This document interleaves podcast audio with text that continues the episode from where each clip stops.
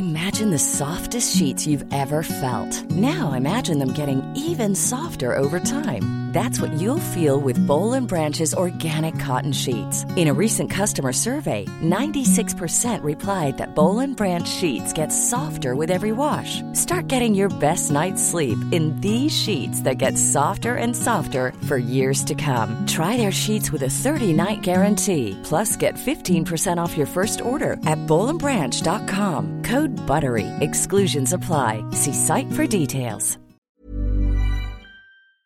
Dame un Coca-Cola con 100 pipers ahora! Als ik bij pap mijn man ben, is het wel meer. Dan praat ik wel meer zo, weet je niet? Dus dit is allemaal nep, want ik zit nu in het allervetste moment van mijn leven. Ik ben wel vastgelopen op een gegeven moment. Dat ik gewoon ook nergens... Uiteindelijk had ik nergens meer lol in. Hoeveel energie ik ook gaf aan dingen, ik, kreeg geen energie meer uit terug. Ik had wel een friend with benefits. Die term was er denk ik nog niet, nee. En niet alleen versieren, maar überhaupt contact maken begint met luisteren. Een friend with benefits is zo'n verschrikkelijke term. Poen, plezier, prestige. Ik vind het soms moeilijk om andere mensen lastig te vallen met mijn gezeik. Ik voel me wel verantwoordelijk voor dat het dan leuk is. Hoe ga je er mee naar huis nemen dan? Toen ja, gewoon eh, lopen. Het is wel een kankereind, hè, naar België. Misschien had ik met dat hele kleine mollige minderwaardigheidscomplex van me helemaal niet turbo erop gezet. Maar ik kan wel dus geïntimideerd raken door mensen die tada, dit, dit hebben. Art, eh, ik heb gelezen dat jij eh, ooit in Spanje hebt gewoond en gewerkt. Wat heb je daar gedaan? Eh, in een, ja, ik ging daarheen omdat ik dacht correspondent te kunnen worden. Maar ik eindigde in een café. Waarbij Spanjaarden dan naar me stonden te roepen... Dame un Coca-Cola con 100 pipers ahora! Nee! Ja, zo. Ik wilde jou Spaans laten praten, maar dat heb je al gedaan. Wat Nou, zei zo. je net? Eh, geef me een 100 pipers met Coca-Cola. Maar me- Spanjaarden zijn, in de, in, die zijn sowieso directer dan wij Nederlanders. Maar in, de- in de horeca helemaal. Dus echt, daarmee betekent geef me. Dus bijvoorbeeld, ponme un cerveza. En dan is, ge- eh, geef bier. Maar die toon. Dus in het begin stond ik daar echt in de kroeg helemaal te stressen. En ik dacht, wat gebeurt hier?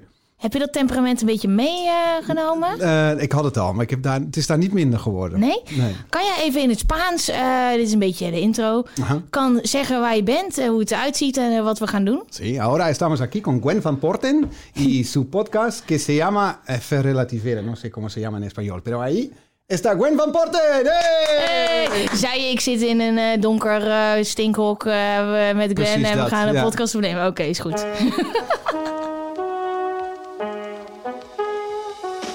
Hallo allemaal, Gwen van Poorten hier. Leuk dat je luistert naar Met z'n allen de podcast. Deze podcast is voor iedereen en met iedereen. Live vanuit Café Ruk en Pluk in Amsterdam behandel ik vragen van luisteraars en kunnen jullie live inbellen om mee advies te geven. Want samen is beter dan alleen. Iedere week schuift iemand aan om zijn of haar wijsheden te delen. En deze week is dat. Hij behaalde zijn VWO-diploma in Eindhoven en dacht daarna dat een opleiding bedrijfskunde een logische volgende stap zou zijn. Dat liep even anders en hij startte met de Academie voor de Journalistiek in Tilburg. Gelukkig voor ons, want ik weet niet waar ik moet beginnen met de oneindig lange lijst van alle programma's die hij heeft gedaan. Van Fort Boyard tot Peking Express, van Wie is de Mol tot De Zomer met Art. Hij presenteert de Sterren van de Hemel en is ondertussen ook nog eens vader geworden van een tweeling. Heel af en toe wordt hij aangezien voor Waldemar Torenstra, maar ik weet heel goed wie er tegenover me zit. Het is Art, the legend, Royakkers! Hey, hallo. Hoe gaat het? Nou, na deze aankondiging gaat het wel heel goed. Ja, ja weet je, ik zat, dit, wel, ja. ik zat dit voor te bereiden. hè? Nou, En ik zei het ook al tegen iedereen die hier is. Ik heb jou gewoon heel hoog zitten, dus ik ga niet laag insteken. Ik zeg ook altijd achter jouw rug omdat je een legend bent, dus dan moet ik het ook gewoon in je gezicht gaan doen. ik voel me vereerd. Maar hoe gaat het? Ja, nou, ik ben dus er nog aan het bijkomen voor die intro. Maar verder eh, eh, gaat het wel goed. Ik heb, ja, als je het zo opnoemt, is het wel veel inderdaad. Maar ik heb het nooit zo door. Het is nog niet eens alles, joh. Ik zat op Wikipedia naar die lijst te kijken. Ja, Dat is niet normaal. nee hè? Nee, maar wel heel vet. Ja, ja. En nu meer thuis dan Ja. aan het werk, denk ja, ik. Ja, ja, ja, ik was aan het filmen voor een programma waar ik mee bezig was. Voor RTL 4. Iedereen had het erover, een reportageprogramma. In Brabant. Voor het, eigenlijk net voor het hele gebeuren zo Ja. begon. En, maar in Brabant liepen ze natuurlijk voor qua corona. Dus daar werd onze draaidag halverwege stopgezet. Omdat mensen begonnen af te zeggen. Eh, en dat was ook meteen dat is half maart. En sindsdien eh, ligt het qua draaien behoorlijk stil. Maar je bent wel zelf bezig gebleven, hè? Ja, ja, ja, ik heb, eh, nou, ja, wij zijn collega's. Ja. Dit ziet er al, ja, ik werd gewoon wel weggeblazen door wat je hier aan het doen bent. Ik maak het heel simpel. Ik klets met mensen via Skype en zet het dan op Instagram. Eh, en het ziet er allemaal heel crappy uit. Totaal niet zo professioneel als Gast, dit. heb je die vlaggeren en die, en die kast achter je Ja. gezien? Dit is heb je bij mij gezien? Ik, bij mij, ik heb één lampje gekocht, zo'n soort ringlight. achter. Nee, maar het is, een- het is niet minder impact en waarschijnlijk veel meer inhoud met al die journalistieke achtergrond die jij hebt. Nou, ja, dat weet ik niet. Dat weet ik niet. Want jij doet met z'n allen. Ja, dat is waar. Daar gaan Ja. zo meteen mensen in bellen. Mhm. Ik weet nog waar wij elkaar van kennen. Weet jij ook waar wij elkaar van kennen? Nou ja, niet, we hebben samengewerkt bij Zo met Art, maar daarvoor, daarvoor kennen we elkaar. al. Ja, want jij hebt mij gevraagd daarvoor. Ja. En daar was ik, ik weet nog, vorige lente, dat Mhm. ik werd gebeld door mijn management. Die zeiden, nou, we zijn gebeld door RTL. En Art Rooijakkers, die wil dat jij komt helpen met zijn programma. ja. Items maken. Ik dacht echt, wat de fuck gebeurt hier? Wil Art Rooijakkers met mij samenwerken? Legend. Ja, de legend. ja. ja, maar jij wilde heel graag met mij samenwerken. Ik weet nog dat we elkaar bij... Nou, dat is oprecht een van de leukste programma's waar ik ooit aan mee heb gedaan.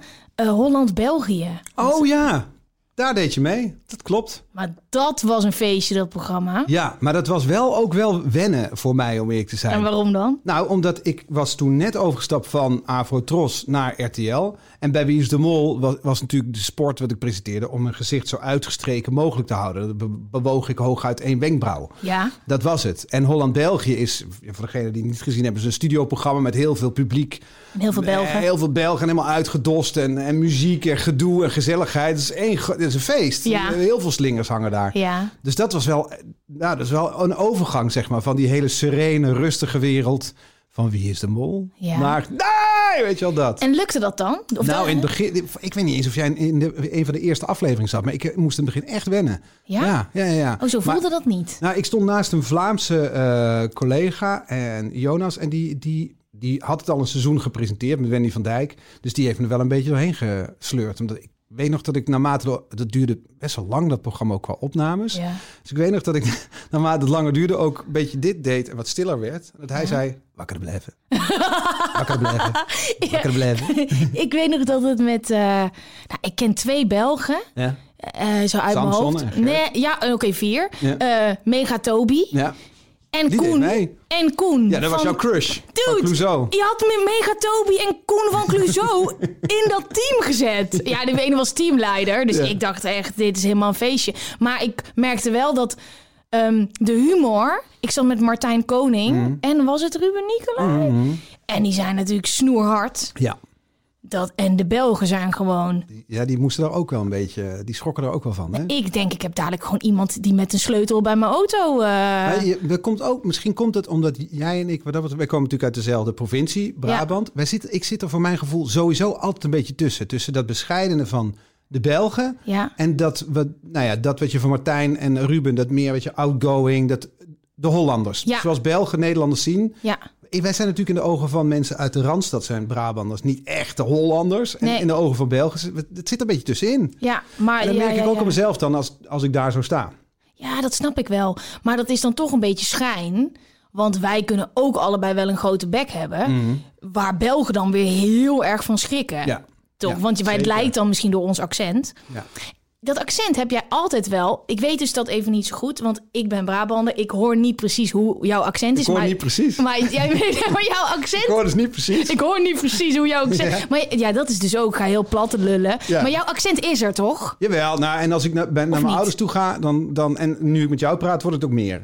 Ik maar in de gewoon- programma's niet. Ja, ik weet niet, ik heb volgens mij, ik ben, ik, ik, ik beweeg toch een beetje mee in mijn omgeving, merk ik. Dus, en, Oh ja, ik weet, ik hoor het weer. Art heeft normaal op de televisie heeft geen accent. Nee, nee, je hebt geen accent in je programma's. Nee? Ik, eh, ja, je hoort er altijd wel een beetje doorheen sluimeren, volgens mij. Maar als ik bij en ben, is het wel meer. Dan praat ik wel meer zo, weet je niet? Maar, maar, maar moest dat eruit? Oh, kut. Nee, als je zo gaat praten, gaat het helemaal... Dat is, heel, dat is, het is nu plat uus. Dat is dat. Oh, leuk. Nee, dat hoeft er niet uit, nee. Nee, nee maar het was wel... eh, ik, ik, lang, in een lang verleden werkte ik als verslaggever bij eh, Nova, de voorloper van Nieuwsuur. En toevallig liet laatst zag ik een oude reportage terug. Die ik dan, dan kwam ik niet in beeld, maar dan, dan sprak ik die in. En dan was mijn, zee, mijn G echt nog wel ronder en zachter. Ja. Dus het is toch ook... Ik ben gewoon in een heleboel opzichten harder geworden door eh, Ja? mijn, mijn verblijf hier in... in de, eh, Hilversum en Amsterdam en omstreken. Ik weet nog dat toen ik de eerste keer in Amsterdam kwam wonen, toen had ik een anti-kraakpand tegenover het Scheepvaartmuseum. Ja. En eh er was een hele grote kamer, maar ik had Ja. helemaal geen spullen. Ja. Ik, had, want ik kwam vers uit, uit, eh, uit Tilburg, kwam ik hier wonen, ik had niks. Ja. Ik dacht, hoe moet ik dat nou vullen? En toen ging ik naar de bloemenmarkt in het centrum van Amsterdam. Daar kon je toen nog bloemen kopen en planten. Dacht, Ja. toen ga ik, nou, net zoals een groot ding achter jou, ga ik van die planten kopen. Want dan vult dat de kamer een beetje. Dus ik kwam daar en toen... Dus ik, ik kocht dan wel planten en varens en shit en weet ik wat. En toen zei zo'n Amsterdamse verkoper... Nu is het alleen maar toeristen shit. Ja. want Die stonden toen... Hoe ga je dit ermee naar huis nemen dan? En toen zei ik... Nou, gewoon eh, lopen. Toen zei ik, Het is wel een kenkereind, hè, naar België. Toen dacht ik, oh ja, zo is het hier. Zo gaat het hier in het westen. Maar zo is het leven hier wel. Ja. Het, soms zeggen mensen tegen mij... Nou, ik kan helemaal niet horen dat je uit Brabant komt. Nou, dat kan ik me niet voorstellen. Maar soms hoef ik maar adem te halen in de taxi. Gewoon instappen. Nou, Ja. jij komt hier niet vandaan, hè? Nee. Ik woon hier al tien jaar. Ja, want wanneer... Nou, dat is ook zoiets. Wanneer ben je dan Amsterdammer? Nou, ik vind dus altijd... Ik kan eindelijk dit verhaal vertellen. Nou, Mijn opa en oma zijn Amsterdammers uit de Spaandammerbuurt. eh ooit naar Brabant verhuisd. Daar is mijn vader geboren en die heeft mijn moeder leren kennen. Ja. Dus ik heb een, een Brabantse familie. Dus ik ken het hier van toen ik klein was. De- de- dat accent gaat nooit weg bij mij. Nee. En dat wil ik ook niet. Nee, Dat kan, ik, het kan niet. nee. Mensen doen wel, vragen wel, maar, maar hoe, hoe heb jij dat accent nog? Waarom dan? Maar het past bij mij en het is echt mijn identiteit. Ja. Ehm, maar ik denk, zolang ik dat accent heb, dat een hele hoop Amsterdammers toch ehm, niet mij Amsterdammer vinden. Nee, dat denk, ja, dat denk ik dus ook. Ik vind wat dat betreft in, in, in ja, ik weet niet. Maar andersom is het natuurlijk ook zo. Ik weet dat ik, ik heb ooit bij de eh, krant in eh, Limburg, Dagblad de Limburg, liep ik stage. En toen werd ik daar naar een, een mijn eerste verhaal, naar een bakker gestuurd die dan 180 jaar in het vak zat, weet je wel, zo'n Ja. verhaal. En toen kwam ik daar binnen en toen het eerste zei, kunnen ze het ook Limburgs kallen?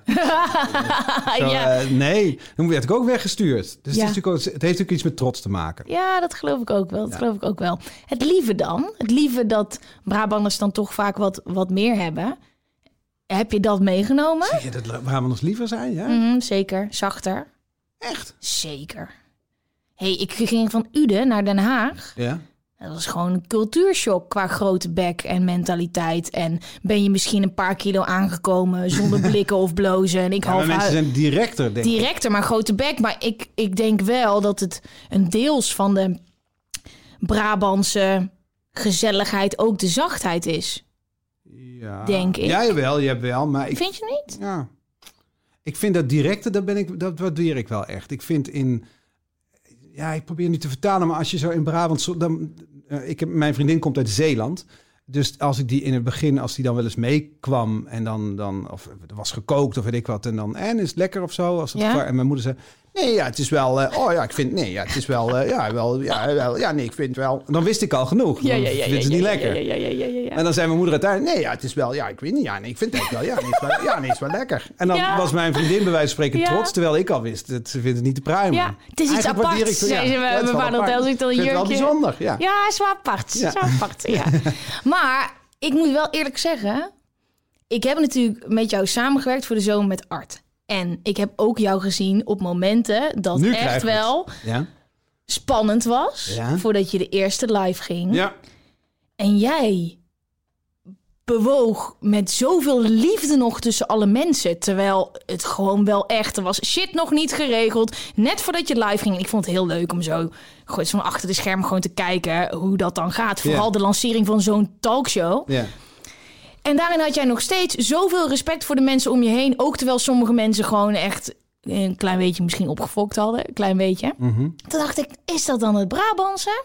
Of is dat gewoon... eh, ja, dat weet ik niet. Schiet jij wel eens uit je slot? Zeker wel, ja, ja, ja? Ja? nee, want ik ben, ik ben ongeduldig Eh, en ik, eh, dus daar, daardoor schiet ik uit mijn slof. En ik kan wel, ja, ik kan wel echt, kan wel boos worden. Maar op zo'n moment, ik voel, me, ik voel me wel, ik weet niet of het lief is, maar ik voel me verantwoordelijk. Dus ik kan me dat moment bijvoorbeeld nog goed herinneren. Daar klopte best wel veel nog niet voor Ja. de eerste aflevering van Zo met Art. En we moesten daar beginnen, maar dan zat er wel een studio met publiek. Tering. Eh, ja, die spanning daar. Ik heb zelden zoiets spannends gevoeld. Ja, maar dan, met deze- dan, dan ga ik niet daar waar al die Nee. mensen bij zijn lopen Nee, schreeuwen en maar wel achter die deur boven. Ja. Jij ging, oh, er was dan zo'n deur en dan kwam zo'n hele delegatie van RTL. Oh, en die gingen dan allemaal naar boven zo. Ja. En dan echt alsof je een soort van, nou, er kwamen echt mensen voorbij. Iedereen hield bijna adem in. Want en dan gingen jullie allemaal achter zo'n deur. En toen dacht ik, oh, Ja. wat gebeurt daar nu? Nou, daar werd dan tot op het bot geëvalueerd. Ja, Ja. ja. vet wel. Nou, nou, ik vond, ja, voor jou misschien iets minder.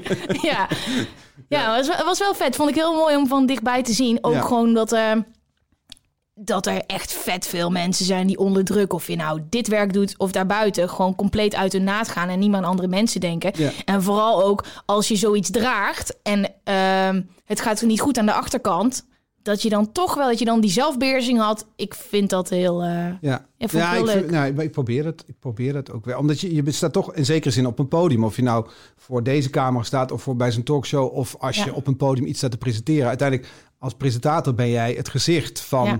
Of de, de, de gastheer of gastvrouw. Ja. Dus als er iets misgaat... Ja, ik vind dat je daar het publiek niet mee lastig moet vallen. Dat Nee, is maar buiten je nou, dat is nou jouw baantje. Ja, om dat is wel dan te- waar. weg te houden.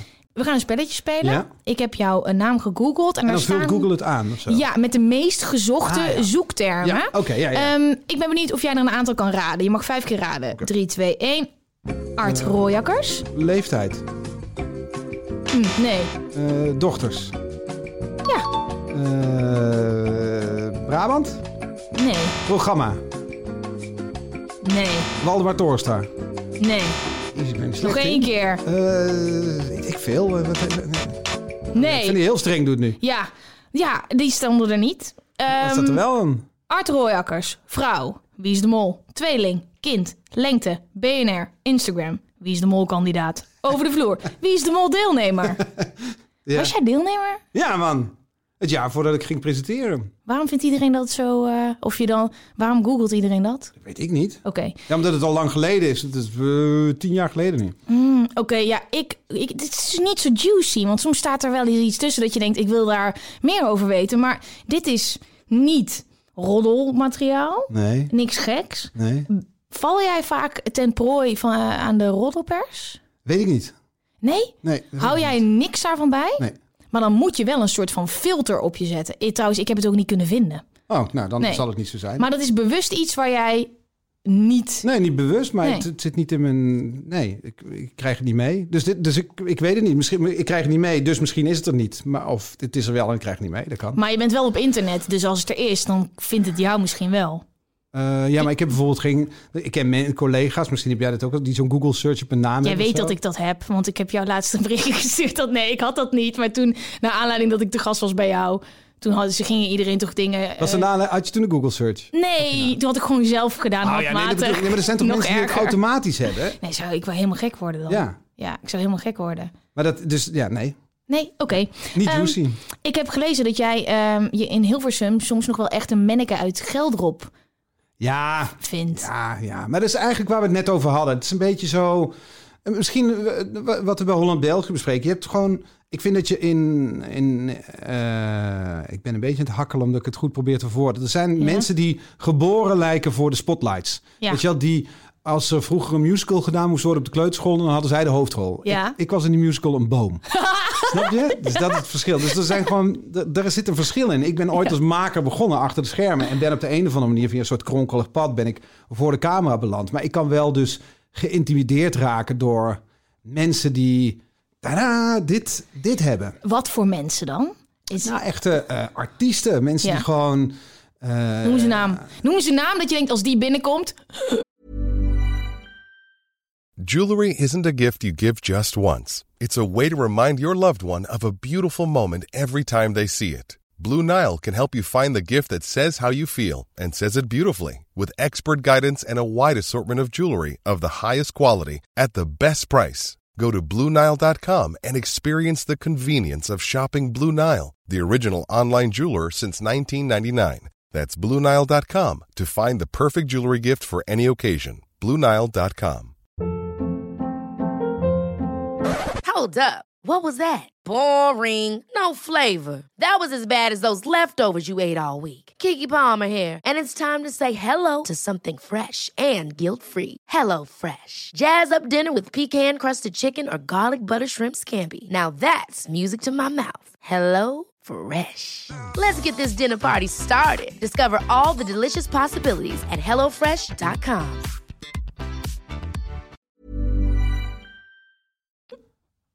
eh, nou ja, ja. Ah ja, Nederlanders of buitenlanders? Nederlanders.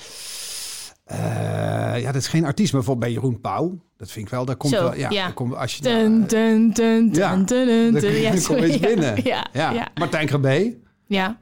Want die, die, die vult gewoon in zijn eentje. Er is dan een, een studio die heel best wel ja, vol met publiek zit, maar heel Ja. groot is. En die vult hij gewoon Ja. door die microfoon te pakken en dan This is the Voice te zeggen. Op zo'n manier dat ik dan, ja, vind ik ongeëvenaard. En als je dan met hem praat, Ik durf Is dat wel- te praten.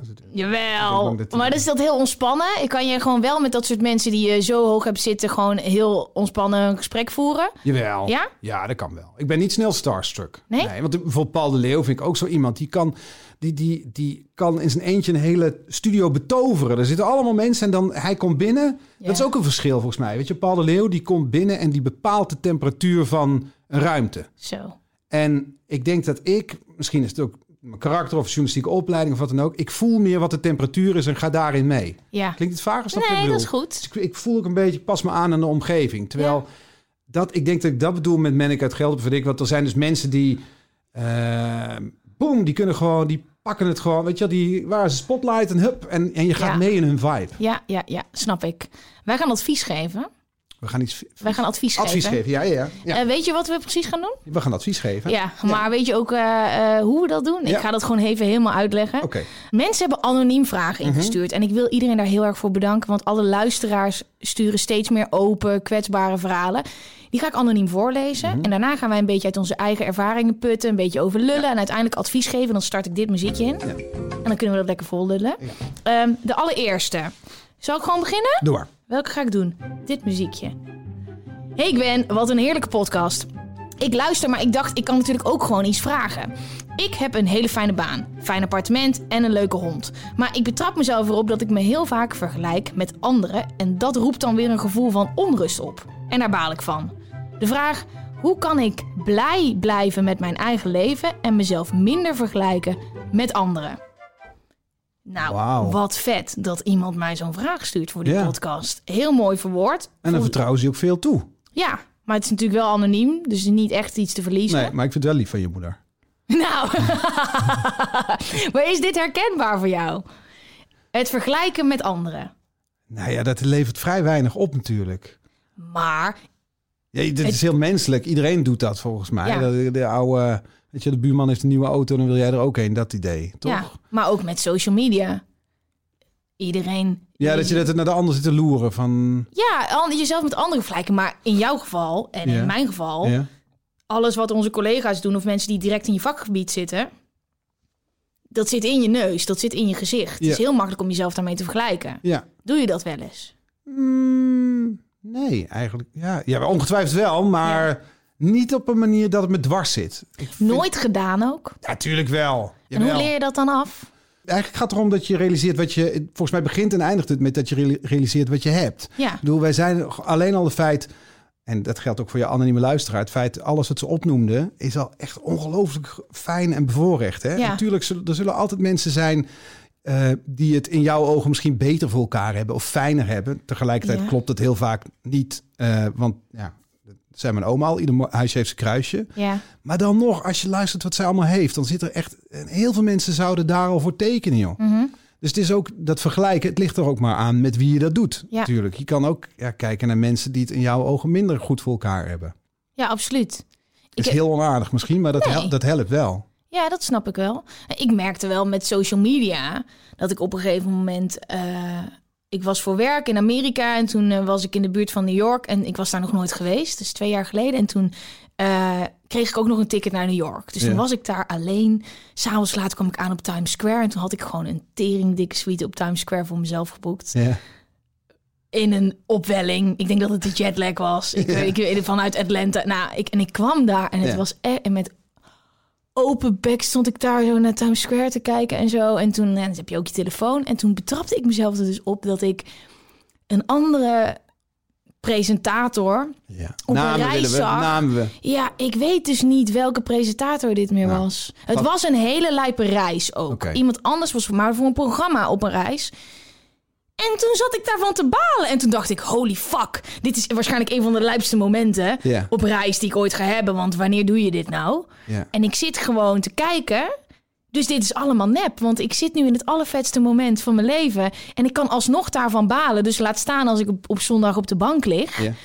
Dat kan dus altijd, die shit. Mhm. Dat kan, en het kan heel veel kapot maken. En ik geloof wel dat een hele hoop jonge mensen ook... die kijken naar social media en die hebben die filter nog niet. En die, die krijgen volgens mij een permanent gevoel van... bij mij is het altijd slechter. Ja? Ja, dat denk ik wel. verdrietig als je het zo opzomt. Ja, ik probeer maar dat jij daar geen last van hebt, dat Nou ja, is wel maar heel ben, chill. nou, misschien is dat ook omdat ik voor mijn gevoel omhoog gevallen ben. Ja. Eh, en, maar dat geldt eigenlijk ook Omhoog gevallen? Nou, in die zin, ik ben ook een beetje hierin gestruikeld. En Ja. ik, heb, ik ben echt wel... eh, nou ja, ik, ik ben tevreden. Klinkt heel suf, maar ik vind wel... Ik, ik vind dat ik niet zo heel veel te klagen heb. Ik Ja. bedoel, ook ik heb mijn, mijn shit en me- de, lig wakker van dingen. Maar als ik bekijk waar ik vandaan kom, dan vind ik, ja, dan, dan eh, mag ik. eh, mag, ja, mag ik best tevreden zijn of zo. Als je dus vergelijkt met... Ja, tuurlijk zijn er mensen die het echt nog wel beter voor elkaar hebben. Of bij wie het Ja. allemaal nog eh hop, grootser en meeslepender en makkelijker of weet ik wat gaat. Maar dat, Ja. ja. op de een of andere manier... Ja, ik, ik volg allemaal andere mensen op, op social media. Ik vind het ook leuk om mensen te volgen die dan... bij wie het niet zo goed gaat. Wat? Ja, nou ja, die laten zien dat het niet zo goed gaat. Dus niet mensen die, bij wie alleen maar zo... Hey, dit, daar stop ik mee. Die- Echt? Ja, daar heb ik geen zin in. En er zijn de, jij volgt dus gewoon mensen die gewoon laten zien dat ze even niet lekker gaan. Ja, ja dat Maar- helpt ook. Wat zijn dat voor mensen? Die heb ik helemaal niet. Echt niet? Nee. Oh ja, nee, bijvoorbeeld, maar dat is, nou, om, om een voorbeeld te geven, je zei al, ik heb kinderen, ik heb een tweeling, die zijn Ja. drie jaar oud. En dat is echt dat is, fantastisch, maar het is ook Louis zwaar. eh, en zeker die eerste tweeënhalf jaar, nou nu nog trouwens, fuck it. Ja. Die slaapt weinig en weet ik dus veel gedoe. Maar ik ben dus, op een gegeven moment dacht ik, oké, eh, dit is echt heftige shit. En ik, Ja. dit is echt, want dan bijvoorbeeld twee kinderen. En eh, ja, iedereen die nu geen kinderen heeft, denkt, oh, gast, hou op met dit verhaal. Maar ik ga het gewoon vertellen. Jawel, nee, dus ochtends bijvoorbeeld twee meisjes aankleden die alle kanten op glibberen en luiers vervangen, weet ik wat. Ik ben- echt kapot. Ik ben, vanochtend ben ik om half zes begonnen. En als ik dan om acht uur de deur uitga, ben ik echt, dan ben ik blij. Als de deur achter me Ja, dat snap ik. klinkt zo ontaardig. Maar, ehm, ja, dus ik, wat ik ben gaan doen, is ik ben, ik, dit is, ik heb bijna de tip te pakken. Ik heb heel veel woorden voor nodig. Ik ben op Instagram mensen gaan volgen die een drieling en een vierling hebben. Want, hey, dan valt het nog best wel mee. Wat vet. Nou, dus dat is het. een Misschien moet je daar dus, ik weet niet of het bij haar valt wel echt een kwartje. Oh, ik, ik weet niet of jij Oprah Winfrey, Oprah Winfrey heeft een podcast en iedere keer als iemand iets zegt wat haar binnenkomt, ze zo ding ding ding. Ja. Dit is wel slim, maar ik weet niet in welk geval hebben mensen het dan slechter dan dat ik het heb. Mensen die nooit, ik ga gewoon alleen maar mensen volgen die nooit op vakantie gaan. Nou, en jij ontmoet de hele dag door voor je werk mensen, interessant, mensen Ja. die je interessant vindt, die je vragen mag stellen. Ja, ja, ja. Je had ook gewoon een baan kunnen hebben waar je veel minder van je creativiteit in kwijt kan, terwijl je wel creatief bent. Maar wat ik me dan wel afvraag, je hebt zeg maar leaks Dus in. voor de eh, podcastluisteraars, ze steekt nu haar Ik- vinger ja, op. Ja. Er zijn leaks in mensen in Nederland die eh, kritiek krijgen en waarnaar gekeken wordt. Mhm. En jij zit in de bovenste laag. Onder politici, daar zit jij zo onder. Ja. Dat zit met de shit die jij maakt. De eh talkshow-avonden. Ja, ja. Jij bent wel een van de personen waar die mensen het meest vergelijken met anderen. Ja, dus ik ben de reden voor mensen dat ze zich kloten voelen, bedoel je? Nee, Ik moet jij- excuses aanbieden. Nee, zeker niet. Nee, jij bent wel iemand waar, waar een meetlat naast wordt gelegd. Dat, dat de eerste avond van de zomer met Art. Ja. Dan wordt er meteen gekeken naar hoe jij ademt, hoe je kijkt, hoe je lacht, hoe je praat, hoe Mhm. je je vragen stelt, hoe je in de camera kijkt, wel of niet, hoe, het gevoel dat je erin legt. Zo extreem.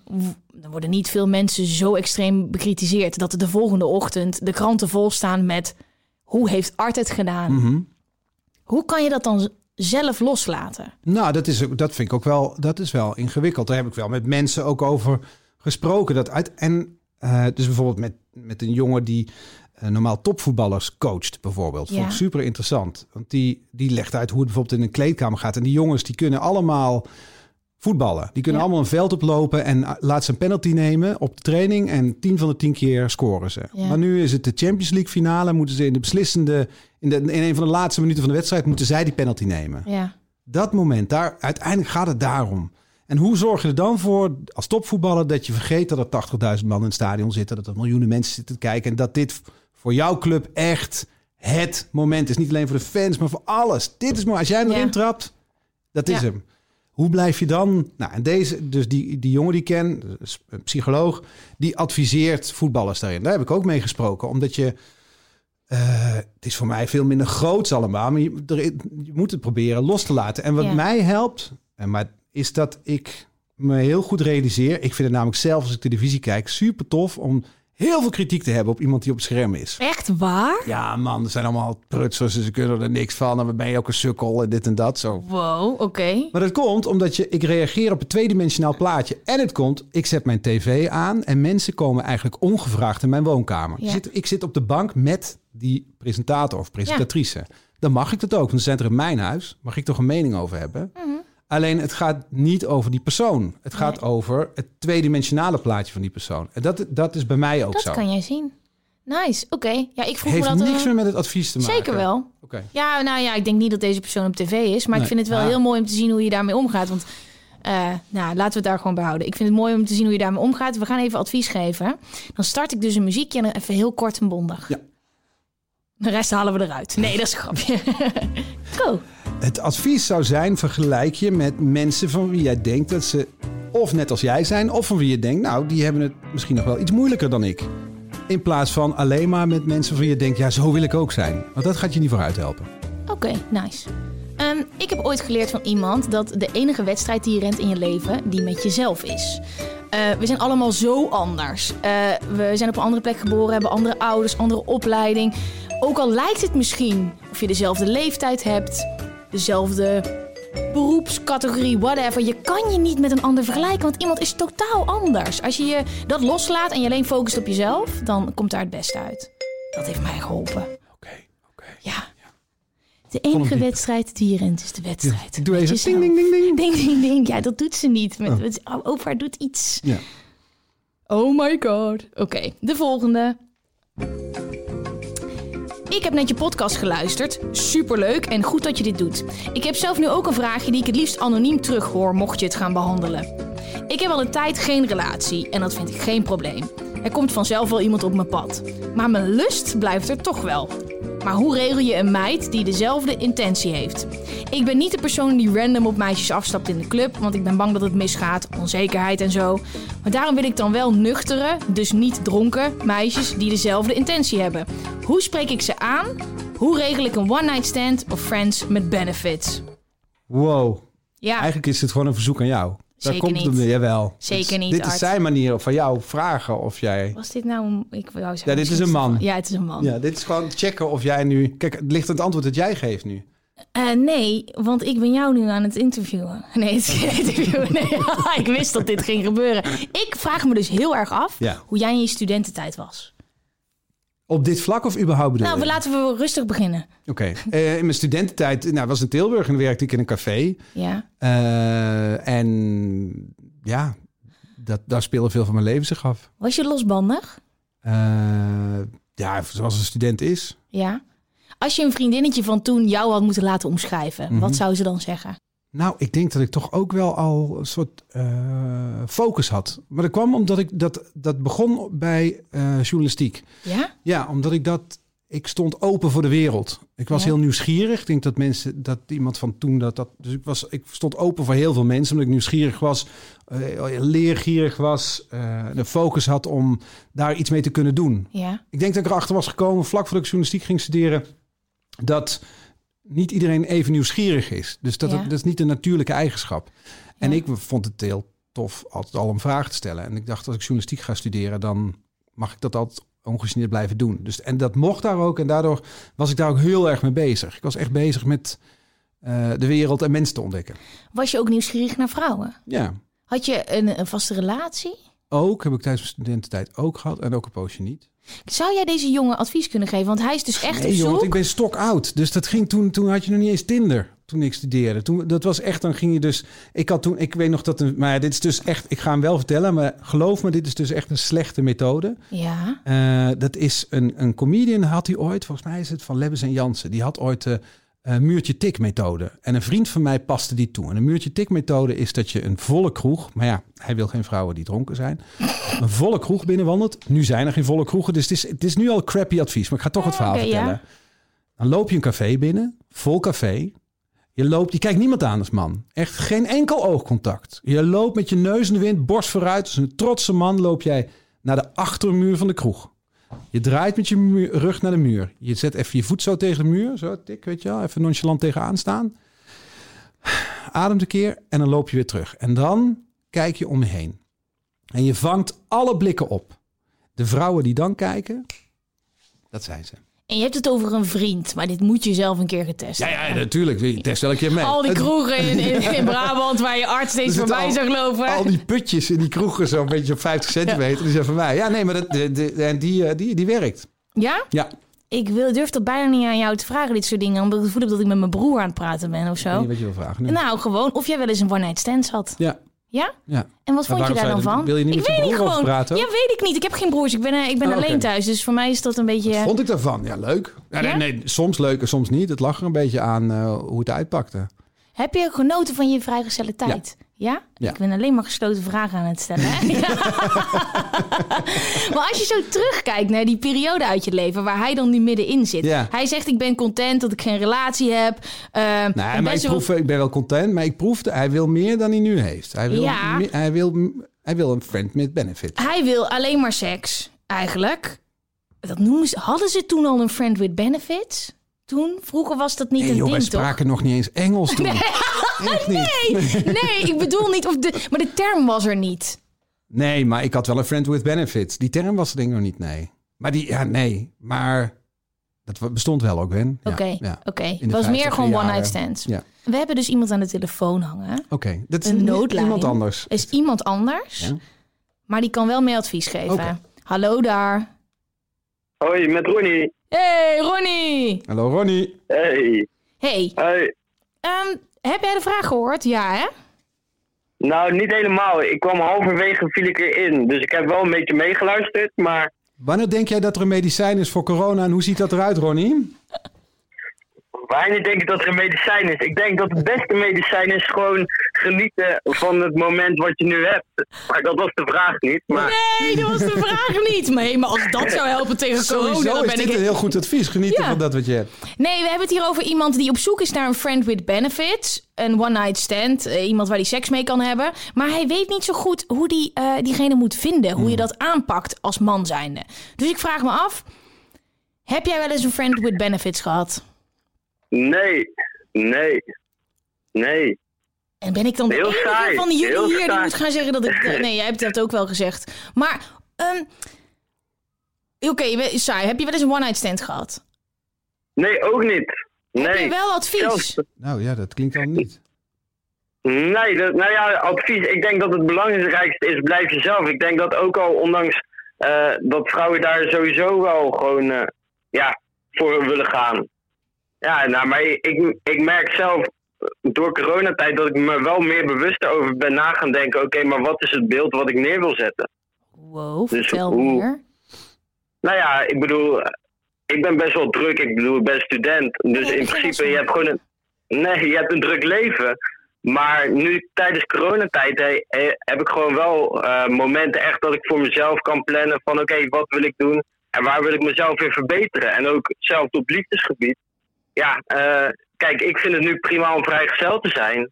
Eh, maar betekent dat dat ik de liefde mis? Nou, op dit moment niet. Maar ik bedoel, eh, ja, het belangrijkste advies is daarin wat ik voor mezelf heb, blijf jezelf. Want ik bedoel, daar, eh, dat is hetgene waar mensen naar kijken.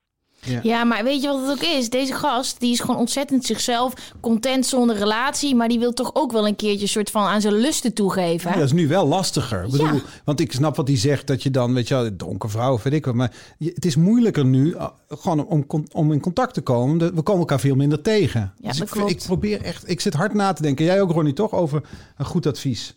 Maar ik vind het, Ja, zeker. ja. Zeker. Maar ik denk dat we misschien moeten beginnen. Hij geeft ook aan, hij is onzeker. Mhm. Dus ehm, los van die hele stap dat hij een meisje alleen voor seks wil regelen, hij is altijd onzeker ook om op meisjes af te stappen. Dus jullie als man zijnde, wat eh, is jullie eh, advies voor het versieren van een vrouw? Een bepaalde tactiek die altijd werkt. Ronnie, heb jij die? Een bepaalde tactiek die altijd werkt. Ja, ik denk gewoon een open gesprek en gewoon, eh, nee, gewoon een vraag stellen, een open vraag. En ja, vaak aan de hand daarvan krijg je wel echt een super open gesprek. En ja, wordt het ook automatisch een stuk makkelijker. Nou, die ga ik even uitproberen hier. Eh, dankjewel, man. Fijn, fijn, eh, fijn advies. Ik vind dat er allemaal hele goede dingen in zitten. Maar ik weet niet of er al helemaal zijn. Maar dankjewel. Misschien tot de volgende keer, Ronnie. Yes, helemaal goed. Hoi, hoi. Doei! Ja, Art, ik denk dus dat het erop neerkomt, advies om te versieren. Ja. Nou, volgens mij begint versieren niet met praten. Ik denk dat dat wel een, iets is wat veel mannen verkeerd doen. Dat volgens denk ik mij, ook. eh, niet alleen versieren, maar überhaupt contact maken begint met luisteren toch ook wel. Ja. En de, ik, de hoeveelheid shit die ik ook vrienden van mij, als ze wel eens op stap waren, die ik zo hoor zeggen tegen vrouwen, terwijl ik denk, dit is niet het verhaal dat je nu moet vertellen of u, überhaupt zo lang aan het woord moet zijn. Ja. Stel gewoon eens een vraag, gast. Volgens mij begint het daar al mee. Dat eh, versieren heeft te maken met dat je iemands belangstelling wil wekken. Ja. Dat doe je volgens mij niet door jezelf helemaal op te doffen. Wij zijn niet die, eh, hoe heet die, die vogels die in van die natuurdocumentaires zitten, die dan Ja, in die het- lijpen, ja, die, die, die in het regenwoud helemaal staan te dansen. Zo zijn wij niet. Wij zijn net iets verder geëvolueerd. Volgens mij was jij daar heel goed in. Volgens mij, want als jij journalistiek studeert, weet je gewoon ook hoe mensen werken. En dan is de stap naar een goed ge- in geïnteresseerd gesprek met een vrouw voeren al snel gemaakt. Ja, maar het is, dat is dan, dat is wel het advies. Er zijn echt, de meeste mannen vinden het meer leuker om te praten dan om te luisteren. Ja, Dus ik denk dat dat al, als je gewoon eh, dus oprechte interesse toont ja, en vragen stelt en benieuwd bent naar iemand, dat dat misschien al, dat dat al een eerste stap is. Want dan hoef je ook niet onzeker te zijn. Je kan wel vragen stellen. Ja. Kijk, als je heel uitgebreid gaat vertellen over eh, jouw eigen hobby, dat je echt fucking Ja. goed bent in Fortnite en weet ik wat, en je kan er eindeloos over praten. ja. Misschien niet heel erg succesvol of sexy. Oké, laten we even advies gaan geven. Moet ik weer beginnen of niet? Ja, dus mijn advies zou zijn... eh, ja, ik weet niet precies waar, maar dan toch... Misschien doe je naar sport of zoek een plek op waar je vrouwen tegenkomt... en probeer minder te vertellen en meer vragen te stellen. Ik denk dat dat al... Want dan, dan krijg je echt contact en vanuit daar kan, kan er iets heel moois ontstaan. Of iets heel seksies. Ja, oké, heel mooi. Dan sluit ik daar een beetje... eroverheen, hè? Nee, nee, nee. Ik wil dus niet veel zeggen, want dit is goed. Maar zeg vooral niet meteen dat je het alleen voor seks doet. Oh ja, dat is ook best wel goed.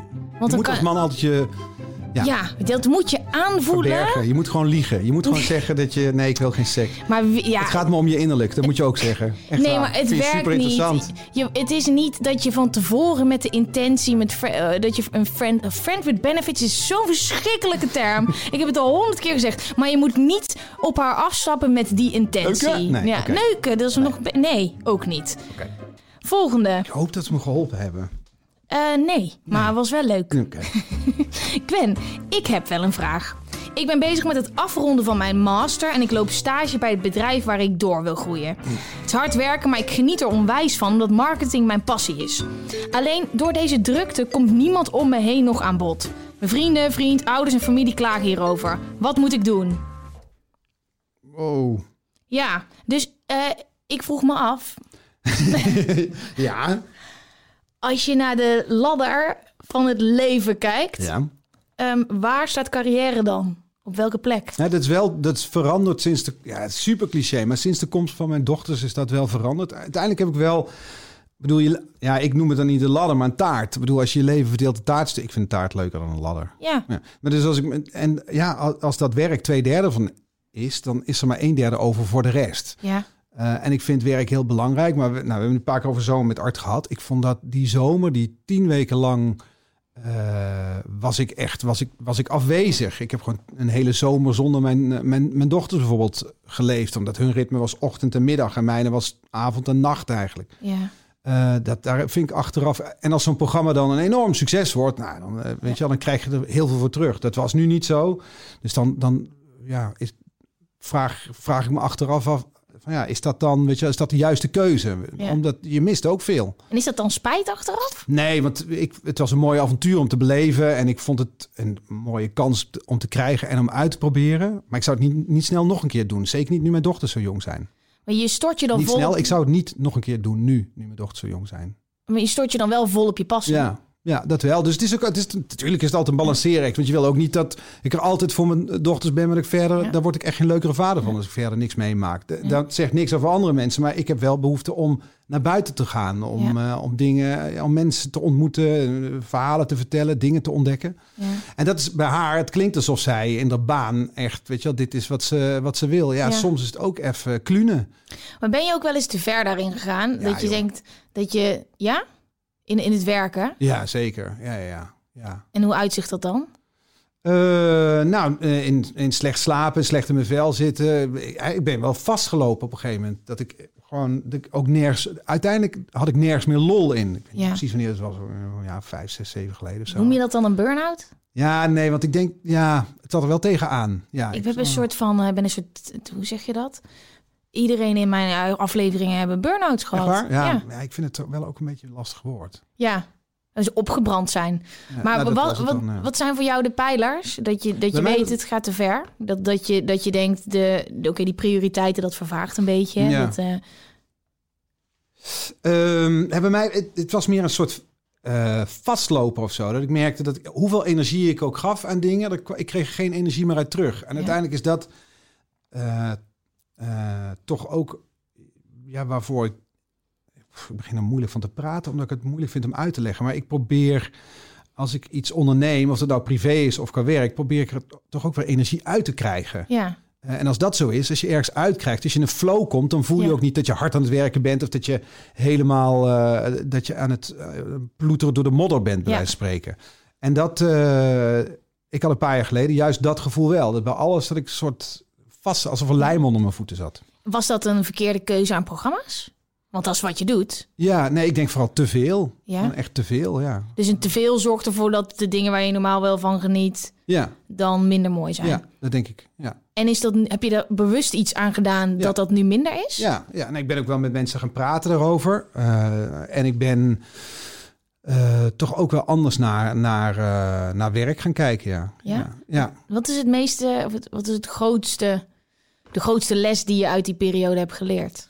In mijn geval waar mijn motivatie vandaan kwam. Dus waarom ik... eh, ja, mijn neiging was altijd om eerder ja te zeggen dan nee, tegen wat dan ook. Omdat ik bang was, was dat ik iets miste. Ja. Dus iemand zei van, nou, we kunnen dit gaan doen. Dan op welk vlak dan ook. Dan zei ik, oké, let's go. Ja. En dan pas later dacht ik erover na. En dacht ik ook na over waarom, waarom doe ik dit eh, Ja. eigenlijk. En nu probeer ik meer in te bouwen. Dat ik even nadenk als iemand een voorstel doet voor iets.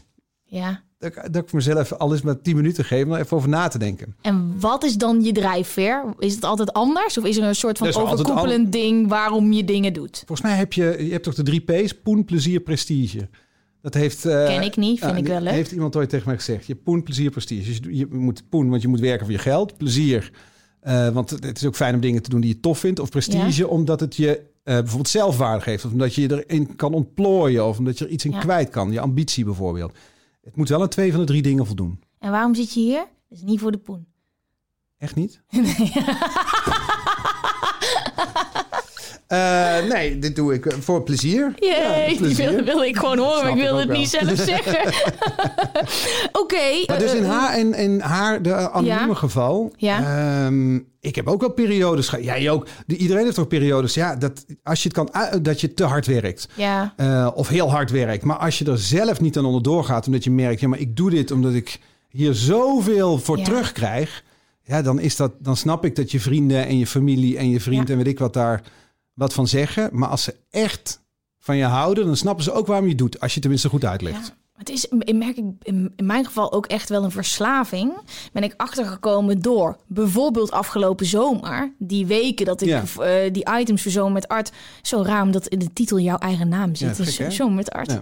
eh, heb gemaakt. Dat ik vond het fantastisch, maar niet alleen door het maken, Mhm. maar ook doordat je wegrent, doordat je niet geconfronteerd wordt met andere dingen. Ik vind het zo fijn om in zo'n bubbel te Ja. zitten, waardoor ik voor jou was dat programma ook en andere programma's ook. Je dompelt jezelf onder, waardoor misschien wel emoties, stresssituaties, bepaalde dingen, of het is je boekhouding, of het zijn andere bullshit dingen waar je mee moet dealen. Niks bestaat in die tijd. En ik merk dat ik dat wel eh, net iets te lekker vind, zeg maar. Dat maar ik- dat, is, dat herken ik heel erg. Maar ook, ik heb, heb het voorrecht gehad dat ik best wel wat reisprogramma's heb mogen maken. En dat als is ik dan, zo fijn. Ja, maar als je dan dus met een clubje op pad mag, dan vaak zijn het mensen die je al wat langer kent. Dus het- dan is het echt op reis is het, want er is nooit veel geld, dus het is altijd heel hard werken, heel Ja. veel uren maken.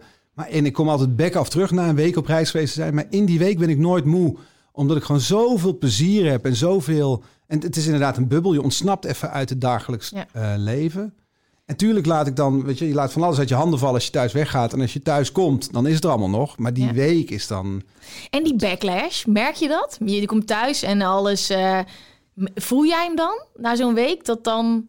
Ja, nou, na een week niet zo. Ik weet wel, toen ik vroeger Peking Express maakte...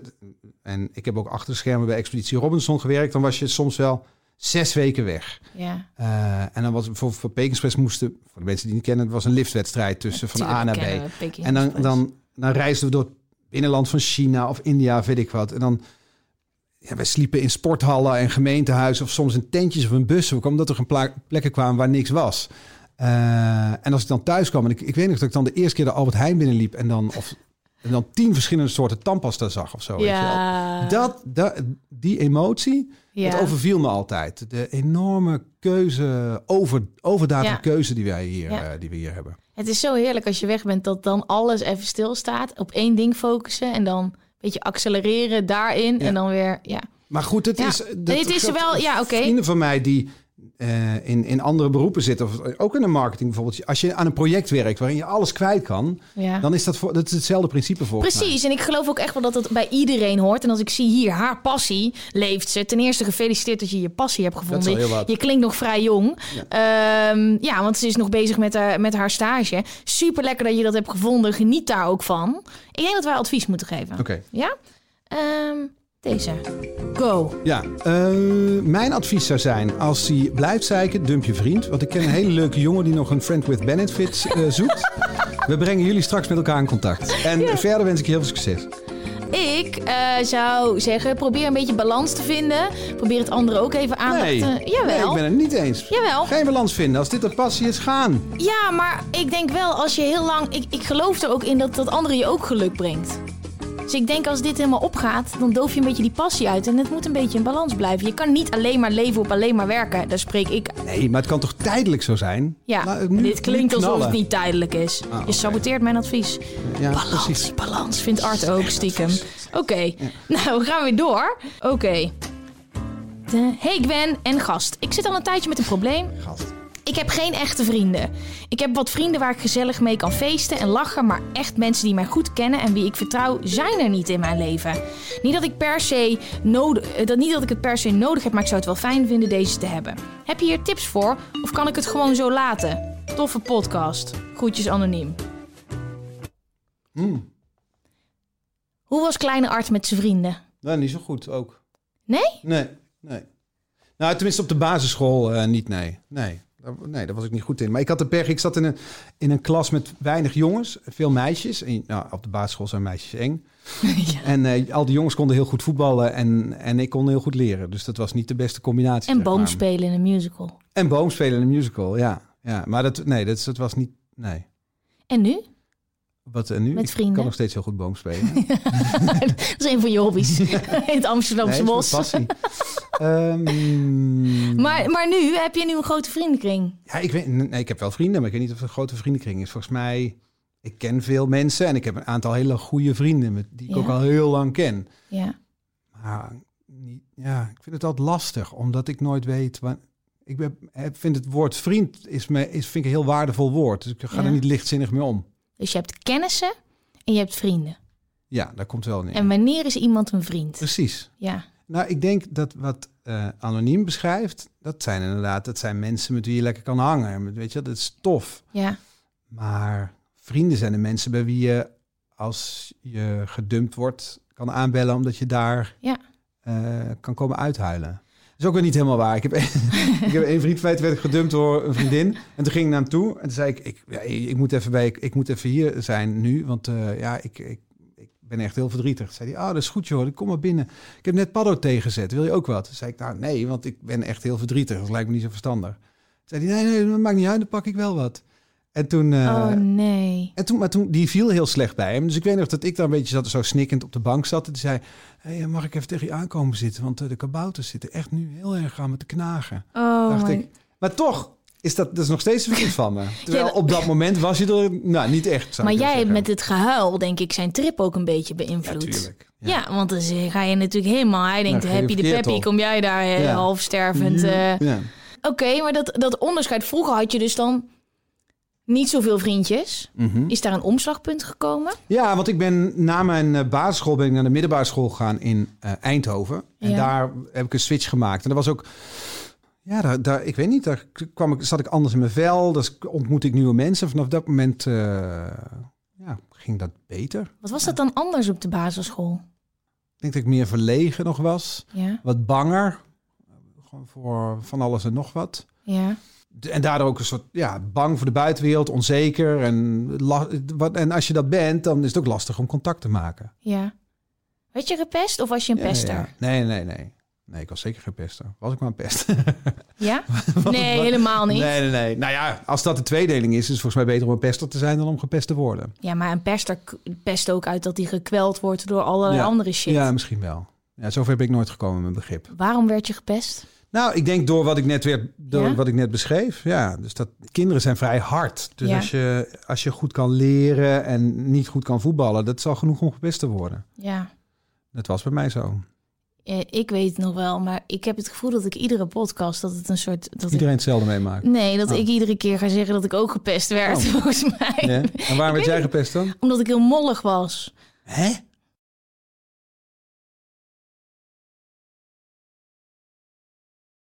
Maar dat is ook wat, wat het heel treurig maakte, is dat ook de ouders van die kinderen daar lomp over deden. Dus Oh, als jij kleine kinderen hebt en je zegt bijvoorbeeld, Oh, je maakt een opmerking, ik weet nog dat ik ergens was en dat die moeder zei dat ik niet nog een extra pannenkoek moest pakken, omdat ik mollig was. Ten eerste, je bent een kind, dus dat is heel raar. Maar ook omdat ik merkte al heel vroeg dat andere mensen mij anders vonden. Maar je als kind ben je helemaal niet bewust van dat er een anders is Ja. of zo. Snap Dus het. dat was wel, en dat heb ik heel lang bij me gedragen. Maar dat was ook wonderbaarlijk genoeg over op de middelbare school. Ja, omdat je, maar dat was bij mij, was het, ik ging naar een andere school dan veel eh, van de kinderen die op de, we hadden twee scholen in de straat. En, en veel van die kinderen gingen Ja. naar de middelbare school in het dorp en ik ging dan naar de stad toe. Ja. Ehm, maar over die ouders, wat ik vooral vond achteraf, is dat het, ik probeerde het ook weg te houden bij mijn ouders. Dus ik Ja. voelde me soort, dat ik gepest werd, hield ik voor mezelf. Ik wilde hen daar niet meer lastig vallen. Ja. Eh, en dat vond ik achteraf eigenlijk wel eenzaam. Ik dacht, ja, Ja. waarom, waarom doe je dat eigenlijk? ja, dat is, toch, dat is dan toch de verhouding die je met je ouders hebt. Dat dat dan ook weer zielig is of zo. Of je Ja. wil stoerder doen. Maar Ja. ik snap dat wel, ja. Nou, ik zei het gewoon tegen mijn ouders hoor. Mijn moeder werd helemaal loco. Ja? Ja, als je hoort dat een moeder tegen een kindje heeft gezegd dat hij geen pannenkoek meer mag pakken. Ja. Toen was het feest. Eh, we- Mijn ik- moeder heeft trouwens ook, het is ook een verhaal over pannenkoeken. Ik weet nog dat mijn moeder na, mocht ik op een feestje, weet ik het. En, en, en ik weet niet, ik weet oprecht niet precies wat er aan de hand was. Er was een kinderfeestje en dan mochten dan alle kinderen komen. En ik was volgens mij niet uitgenodigd, maar toen mocht ik toch dan uiteindelijk via de moeder dan wel komen of zo. En toen kreeg ik, ik weet niet, ik was in ieder geval ziek geworden daar. Ik pannenkoeken, Oh. ziek, ziek van de pannenkoek, dus moest ik daar ook nog kotsen. Oh nee. Eh, dus toen werd ik, ja, dat, en het liep allemaal best wel naar. En dus ik ging naar huis en toen bleek dat die jongen, die had er allemaal lelijke dingen tegen mij gezegd. En dacht mijn moeder, en nu is genoeg. Dus die ging bellen. En toen nam ook nog, die jongen nam op. En toen, mijn moeder hoorde dat, een soort rode lap voor haar. Dus die ging hem helemaal verrot schelden door de telefoon. Maar hij was vrij slim. Hij gaf namelijk de telefoon aan zijn moeder. Fuck. Dus die, dus die kreeg in één Snotjong. Nou, God non. Nou, precies dat. Ja. ja schot, non. Nou zo. Maar is het niet eigenlijk heel grappig dat wij allebei een beetje een soort van... En we komen uit, uit het zuiden, maar een beetje gepest. Mhm. Kleine, sowieso kleine onzekere kinderen. En dat we dan nu zo'n groot podium zoeken. Dat Ja. moet toch met elkaar in verband staan? Ja, dat weet ik niet. Dat is Nee? dan, ja... Ik denk wel dat ik vet lang op zoek was naar... Nu niet meer, want ik weet nu wa- waarom ik dit doe. Dat is niet uit onzekerheid. Maar Nee. ik denk wel dat het... Kijk mij nou eens. Ja. Ik denk dat ik dat nog wel... eh, Dat ik dat ooit heb gehad. Kijk eens, ik kan dat heus wel. Ja, dat idee. Ja, nee, dat, ik dacht niet dat ik het niet zou kunnen. Het was meer wel, ik had wel toen op een gegeven moment via social media een van de pestkoppen die ik altijd onthouden heb, een vriendschapsverzoek deed. Dat vond ik wel heel tof om dat dan Vet. gewoon te negeren. Weet je wel? Dat. Oh. Nou, dat is niet mijn motivatie, niet mijn drijfveer geweest of zo. Dat, dat niet. Nee. Maar ja, het is wel grappig. Maar ik, Mm. Ik denk denk, dat ja. veel mensen uiteindelijk, weet, volgens mij, ik heb een ehm, boek gekregen. eh, dat heet How to Fuck Up Your Children. Ja. En dat is gewoon, nee, of how to fuck up of how to traumatize your children. In ieder geval, Ja. voor alles wat je kan bedenken, later in je leven, kun je je jeugd de schuld geven. Ja. Want je bent gepest of Ja. niet. Of je ouders waren te veel aan het werk, of die zaten juist te veel op je nek. Ja. Of eh, je ouders zijn gescheiden, of die waren bij elkaar en daardoor, eh, maar hadden altijd ruzie. Whatever, er zal altijd iets zijn. Dus dat boek, dus als jij nu iets in je leven hebt, je leest erin, dan kun je zo terugbladeren. Nou, maar dat komt hier en hier door. Dus Ja. voor mijn dochters nu, die gaan, ik doe, ben echt mijn stinkende best aan het doen, hè. Ja. Maar toch gaan zij dus straks zeggen... over iets. Ja, maar mijn pa, Ja. die... En ik, dus puntje, puntje. Ik kan het niet aanvullen. Ja. Het was veel te veel aan het werk. Of eh, die was het, maar ik ben veel aan het werk, maar ik ben ook veel thuis. ja. Eh, of hij zat te veel op zijn telefoon. Of whatever. Er, was, er gaat iets zijn wat Maar ze had mij anders willen zijn nemen. nu dan? Had- Is er iets wat jij anders had Nee, willen? dat is dus, daar, ik ben wel met meer compassie gaan kijken naar eh, sowieso ouders eigenlijk. Absoluut, absoluut. Omdat eh, je doet eigenlijk, je doet een beetje, ja, je rommelt wat aan, maar je doet ook je stinkende best. En Ja. het is een beetje, het is aan, aanklooien. Als ik zo terugkijk, dan denk ik met alles, en dit is niet, heeft niks met mijn ouders te maken, maar ik had niet een ander mens willen zijn met al die bullshit erbij. Ik ben super content met het mens dat ik nu ben. En al die nare zwarte schakeltjes die daarin zitten, Ja. die heb ik daar wel voor nodig gehad. Ja. Misschien had ik met dat hele kleine mollige minderwaardigheidscomplex van me helemaal niet turbo erop gezet om net dat beetje extra gas te Nee, geven. ik snap wat je bedoelt, maar de- en ik, Kan. dat geloof ik zeker. Maar di- het moet niet je motor zijn. Dat is eigenlijk Zeker wat ik heb geprobeerd te vermijden. Nou, vermijden. dit wordt een hele andere podcast, maar ik, ik heb dat wel. Ik moest wel een beetje eh, op een bepaald punt uitvinden van, maar waarom maak ik al deze programma's? Ja. En dat komt niet van een plek van, eh, ik wil iets moois maken. Ik weet waarom ik dit doe. Nee, misschien meer uit een plek van onzekerheid. Kijk mij nou. Ja. Wil ik dit eigenlijk wel maken? Omdraaien naar, we zitten hier nu met elkaar te praten en shit te maken... waarin mensen ho- hopelijk naar luisteren en wat aan hebben. Ik heb het wel een beetje opnieuw moeten uitvinden voor mezelf. Ja. Een beetje koers. Maar ik had niet ergens anders willen zijn. Nee. Eh, maar ik snap wat je bedoelt. Het moet niet, als dit je motor is... dan is het een hele nare plek om Ja. te zijn. deel met je vrienden. Dat is uiteindelijk gewoon. Dat heeft mij verdieping in vriendschappen gebracht. Dat ik, ik eh, dacht vaak. Nou ja, ik laat gewoon. Ik laat niet al mijn shit zien. Iedereen heeft shit. Dus waarom zou ik jou ermee lastigvallen? Ja. Maar juist door dat te doen. eh, creëer je een band met iemand. Of kom je veel meer tot elkaar. Omdat anders heb je. Als je alleen maar picture perfect plaatje laat zien. Alleen maar het feestende plaatje. Die, Ja. Dat is super lachen. Maar je komt uiteindelijk niet verder. De, te delen wat er ook niet goed gaat. Dat helpt je in het bouwen van vriendschappen. Dat vind ik zo moeilijk. Wat? Nou, ik vind het soms moeilijk om andere mensen lastig te vallen met mijn gezeik. Als ik soms heel kut zit, dan denk ik, ik ga niet naar bepaalde vrienden toe, want ik wil eigenlijk gewoon alleen maar gezelligheid brengen. Maar dat is een heel ander hoofdstuk. Nee, ik moet helemaal even- niet. Het is wel interessant. Waarom, dat, waarom is dat dan? Nou, omdat ik. Ik heb daar tijdens die coronatijd wel een beetje. Want die, we hebben elkaar toen ook gesproken. Dat ik, dat ik echt even niet lekker ging dat ik dat zei. Ehm, en dan ga ik niet andere mensen bellen. Ik denk toch heel, dat ik heel erg pleasend ben in de sfeer. Dus ik voel me wel verantwoordelijk voor dat het dan leuk is. En dan denk ik, ja, niemand zit te wachten op narigheid of zo. Dat doe ik liever zelf, weet je wel. Ik kan wel bij vrienden terecht met Maar nu bullshit. herhalen, herhaal je alleen wat je zegt. Maar je zegt niet waarom dat is. Eh, ik denk gewoon dat ik... eh, dat Dat het. Ja, dat ik gewoon. eh, dat, het, dat het perfect moet zijn of zo. Dat ik niet vaak graag de vuile was buiten hang. Ja, maar Maar dat is wel de, de ingrediënten voor een, voor een goede vriendschap. Hij gaat pas dieper als je dat wel doet. Maar dat vind ik wel moeilijk. ja. Ik wou zeggen dat. eh, ik, mag, ik mag nu weer doorvragen. Hè? Jawel, je mag het doorvragen. Dat mag. Eh, We gaan helemaal overrood, want ik Oh, weet niet meer wat ik anders wilde vragen. Ik, Nou, Ik denk namelijk dat v- dit, dit eh, ook te maken heeft met het advies. Dat van die vuile was. ja, Ik herken namelijk wat je zegt. Ik denk dat, dat, heel, ik denk dat heel veel mensen dat hebben. Zo van, ja, waarom zou ik andere mensen lastigvallen met mijn sores? ja, Ja, iedereen heeft toch eh, zijn sores. Ik, je moet volgens mij bij al die dingen denken... wat zou jij willen dat je beste vriend of vriendin zou doen? Stel, Dat is wel waar. wie is jouw beste vriendin? Ik weet niet wie het is. Maar laten we er eh eh, Gwendolina noemen. ja. En stel, jullie zijn beste vrienden... maar jij komt er na een paar jaar achter... dat elke keer als het slecht met haar gaat... zij jou negeert. Hoe zou je dat vinden? dat is kut. Ja, Maar andersom doe jij het wel. ja, dat moet ik niet meer doen. Ik ben eraan het werken, dat gaat best goed. Ik, ik hoor nog Nee. geen ding, ding, ding nu. Jawel, ik jank iedere avond op de bank bij mijn vrienden. En dan sturen ze me ook op een gegeven moment weg. Nee, dat is niet waar. Nee, ik, eh, dit, maar dit past daar wel een beetje bij, mijn advies. Ehm, heel veel mensen denken, ik heb een hoop mensen om me heen... dat hoort dan een vriendengroep in één keer te zijn. Of dat hoort te passen. Maar je moet er zelf ook heel veel energie in stoppen. Het is niet zo dat vriendschap komt aanwaaien. Ze heeft een hele hoop random, grote, leuke, gezellige vrienden om zich heen. Maar Ga eens net wat dieper met iemand. En net als een plant eigenlijk. Die moet je water geven. Als je water geeft, gaat die groeien. Steek wat meer energie in die vriendschappen. En geef het de tijd. Want het is niet iets wat over één nacht ijs gaat. We zijn door het advies heen. Ik, ja, ik eh, hoop dat ze er iets aan gehad hebben. Dat denk ik wel, maar we hebben wel jou een beetje beter leren kennen. Ja, ik heb er wel weer dingen aan overgehouden. Echt? Ja, Wat dat dan? is toch... Nou, hoe, nou dat is, misschien is dat ook nog wel voor die... eh, dat laatste is ook nog wel een advies. Dat je een keer met een opdracht een avond ingaat. Eh, de- Spannend. Ja. Voor welke vraag is Ja, dit? ja.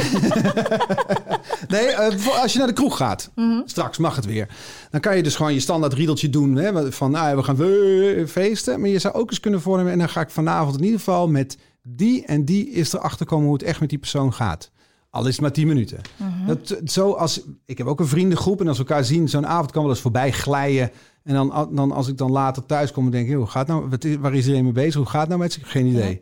Dus ik probeer dan wel te bedenken van, nou, ik wil er eigenlijk eh, bij minimaal twee mensen toch wel achterkomen. Hoe is het eigenlijk echt met jullie? Wauw, dat is nice. En dat is nu hier ook gebeurd. Ja.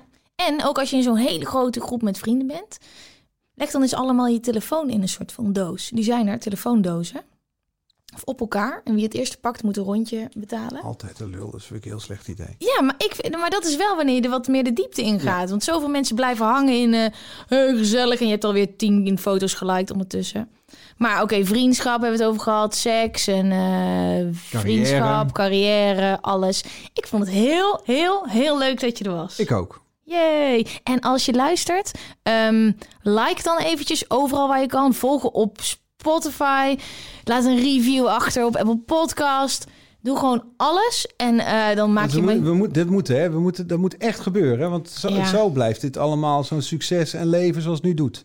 Nou, vooral op Apple Podcast. Toch? Daar kan je reviews achterlaten. Ja. En hoe meer reviews, hoe meer die bovenaan komt. Ja, maar volgens mij weet ik, ik, ik- Mensen zeggen het altijd, maar dan snap ik nooit waarom het is. Maar dit Ja. is echt belangrijk. Ja, want bijvoorbeeld bij Apple Podcast, als veel mensen dit leuk vinden, die delen een review en geven een paar sterren, komt die eerder omhoog en krijgen meer mensen de kans om te luisteren. En als ze denken, was echt vet met art, dan gaan ze misschien de volgende keer ook wel luisteren. En zo bouw ik mijn publiek op. Oké, dus doen. Doen. Ja? Heb jij nog advies nodig? Heb ik nog advies nodig? Ja.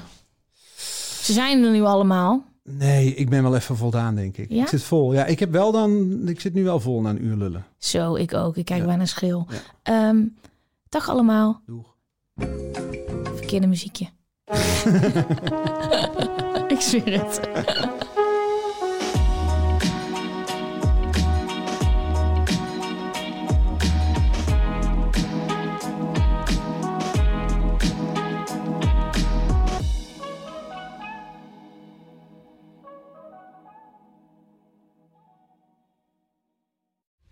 Vind jij dat jouw merk het verdient om in het volgende rijtje Tony Media adverteerders te staan?